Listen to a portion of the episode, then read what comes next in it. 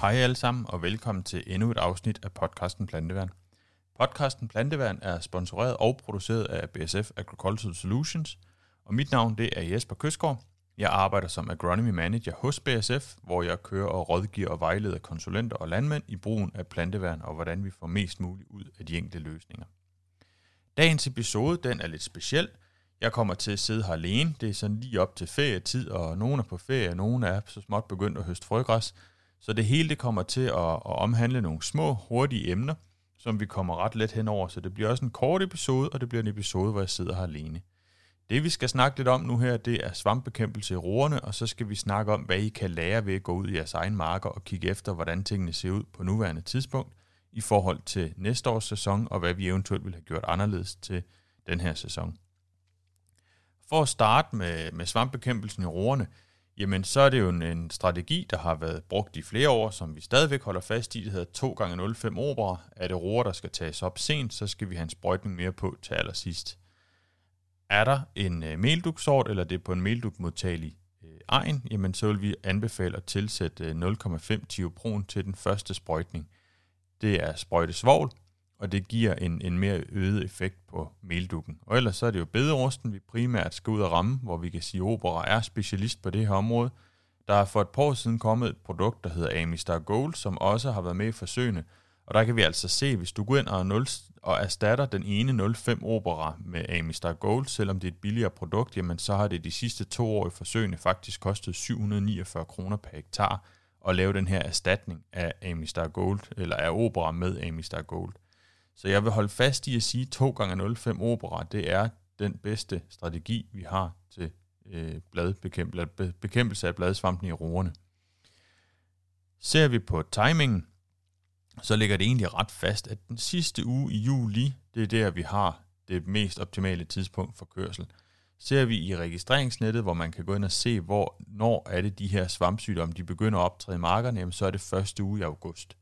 Grunden til, at jeg ikke vil vente med at køre til vi ser de her øh, angreb af svampe, det er faktisk, at vi har nogle produkter, der ikke er specielt effektive til at slå sygdommene ned, når først de er i udbrud. De virker ekstremt godt forebyggende, og derfor så skal vi køre, før vi begynder at registrere angrebene, og det er altså sidste uge juli, og det har det været de sidste mange år. Så selvom mange af jer I øh, formentlig er i gang med høst på det tidspunkt, så kan det altså godt svare sig at stille om, så man siger, at vi bruger en morgen eller en formiddag på den her svampsprøjtning i roerne og får kørt opera ud. Det kan altså godt svare sig i forhold til at holde lidt mere stille med, med majtasken eller have en kornvogn mindre på lige en periode. Så sidste uge i juli, 05 opera, opfølgning 3-4 uger efter med 05 opera, og husk i den første kørsel, hvis det er en meldugmodtagelig sort, eller et melduk-område, så skal vi have tiobronen med, altså sprøjtesvognen. Dem af jer, der ikke har købt produkt ind til 2021, I skal ud og gøre det nu her inden oktober. For til oktober må vi anvende, eller må, må grovvaren sælge opera, og derefter må I anvende det til øh, oktober næste år.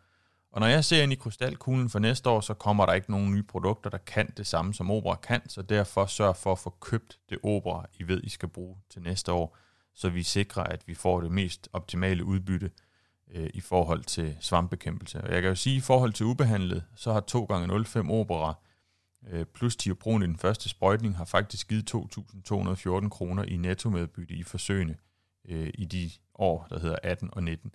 Det vil sige 2.200 kroner, når alt er betalt lige ned i jeres lomme, øh, i forhold til ikke at gøre noget. Så det kan altså godt svare sig at tænke de her øh, behandlinger ind forhold til svampbekæmpelse i sukkerroerne. Springer vi videre til det næste lille emne, vi har, så er det jo det her med forsøg i egne marker. Vi har jo tit opfordret jer til at have de her 10 hvide, øh, 10 hvide stokke på jeres sprøjt, når I kører derude. Skru lidt op for dosering nogle steder, skru ned for dosering andre steder, sæt en pind, hvor I, øh, hvor I laver de her forskellige øvelser, og så lav et sted, hvor I også laver en ubehandlet parcel altså 50 meter i marken eller 25 meter i marken med enten en sektion eller en halv sprøjtebredde slukket, så I, I har et ubehandlet område, hvor I kan gå ud og analysere på, hvad har vi så egentlig fået for de her behandlinger. Vi hører flere i år, der faktisk siger, at markerne er så rene, at vi ikke har fået noget ud af det.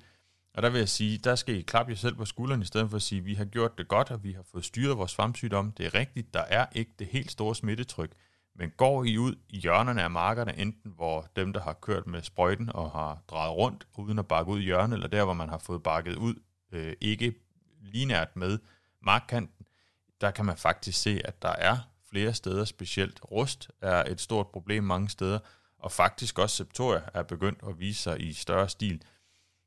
Og derfor så er det nu, I skal ud og kigge i jeres marker. Øh, se, hvad I har fået ud af jeres behandlinger. Se, hvordan ser det egentlig ud, når I kigger ned i afgrøden. Er tredje, anden øverste blad der stadigvæk, eller er det begyndt at visne af? Er det tørke, eller er det sygdom, der sidder på? Det er en ekstrem god øvelse at lave. Det er givende i forhold til at finde ud af, hvad har vi gjort? Har vi gjort for meget i forhold til, hvad vi ser? Har vi eventuelt gjort for lidt? Eller øh, skal vi holde fast i den måde, vi har valgt at gøre øh, strategierne på i år til næste år, og selvfølgelig justere efter vind og vejr? Jeg var over at høre en hollænder på Plantkongressen for nogle år siden, der snakkede om det her med, at big data er ikke nødvendigvis noget, der sidder i en computer. Det kan også være registreringer på et stykke papir. Han havde en bog, der viste, at hans farfar havde skrevet ned, helt specifikt på markniveau, hvor var de våde huller de enkelte år, hvor svigtede udbytterne, hvor var strategierne optimale i forhold til de forskellige ting, der blev gjort i marken. Big data kommer altså også op i jeres hoved, jeres erfaringer, jeres øh, læring undervejs, og derfor så skal vi have bygget mest muligt på, både øh, computermæssigt med udbyttekort osv., men, men vi kan ikke stå alene uden at have den erfaring, vi gør os ude i marken.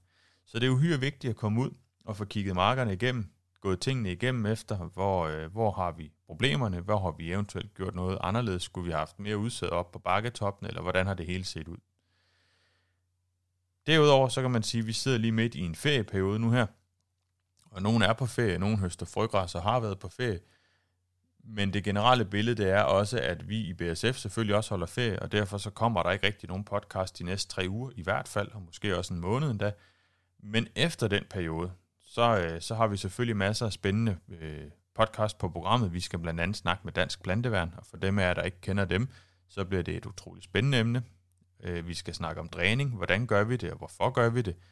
Øh, hvor kan vi se, at det giver øh, gavnlig effekt henne, og, og hvorfor er det egentlig så vigtigt, at vi ikke har vand på marken i perioder? Vi skal snakke med en landmand, der laver forsøg på hans egne marker. Hvordan gavner det ham? Hvilken læring øh, finder han ud af det? Apropos det, vi lige har snakket om nu. Så skal vi også, når tiden kommer dertil, snakke lidt om øh, forsøgene, og der tænker jeg jo specielt på landsforsøgene. Hvad har, hvad har vi lært af de forsøg, der har ligget i år, øh, og hvad vil vi bruge dem til som, som firma, og hvordan ser vi på alle de her forsøg, der bliver lavet rundt omkring i de forskellige landbrugforeninger. Så der er masser af spændende på programmet, øh, når vi er over med sommerferie og godt i gang med høsten. Og øh, derudover så vil jeg egentlig bare ønske jer alle sammen en god sommer og en forhåbentlig rigtig god, nem og givende høst, når vi, øh, når vi sådan for alvor begynder at tage, tage hul på det rundt omkring. Så øh, en kort episode nu om forsøg i egen marker, læring i egen marker, svampbekæmpelse i roerne. Og øh, ellers så vil jeg så sige, som jeg sagde før, god sommer, og håber det bliver en ekstremt givende høst. Vi snakkes ved og høres ved på gensyn. BASF. We create chemistry.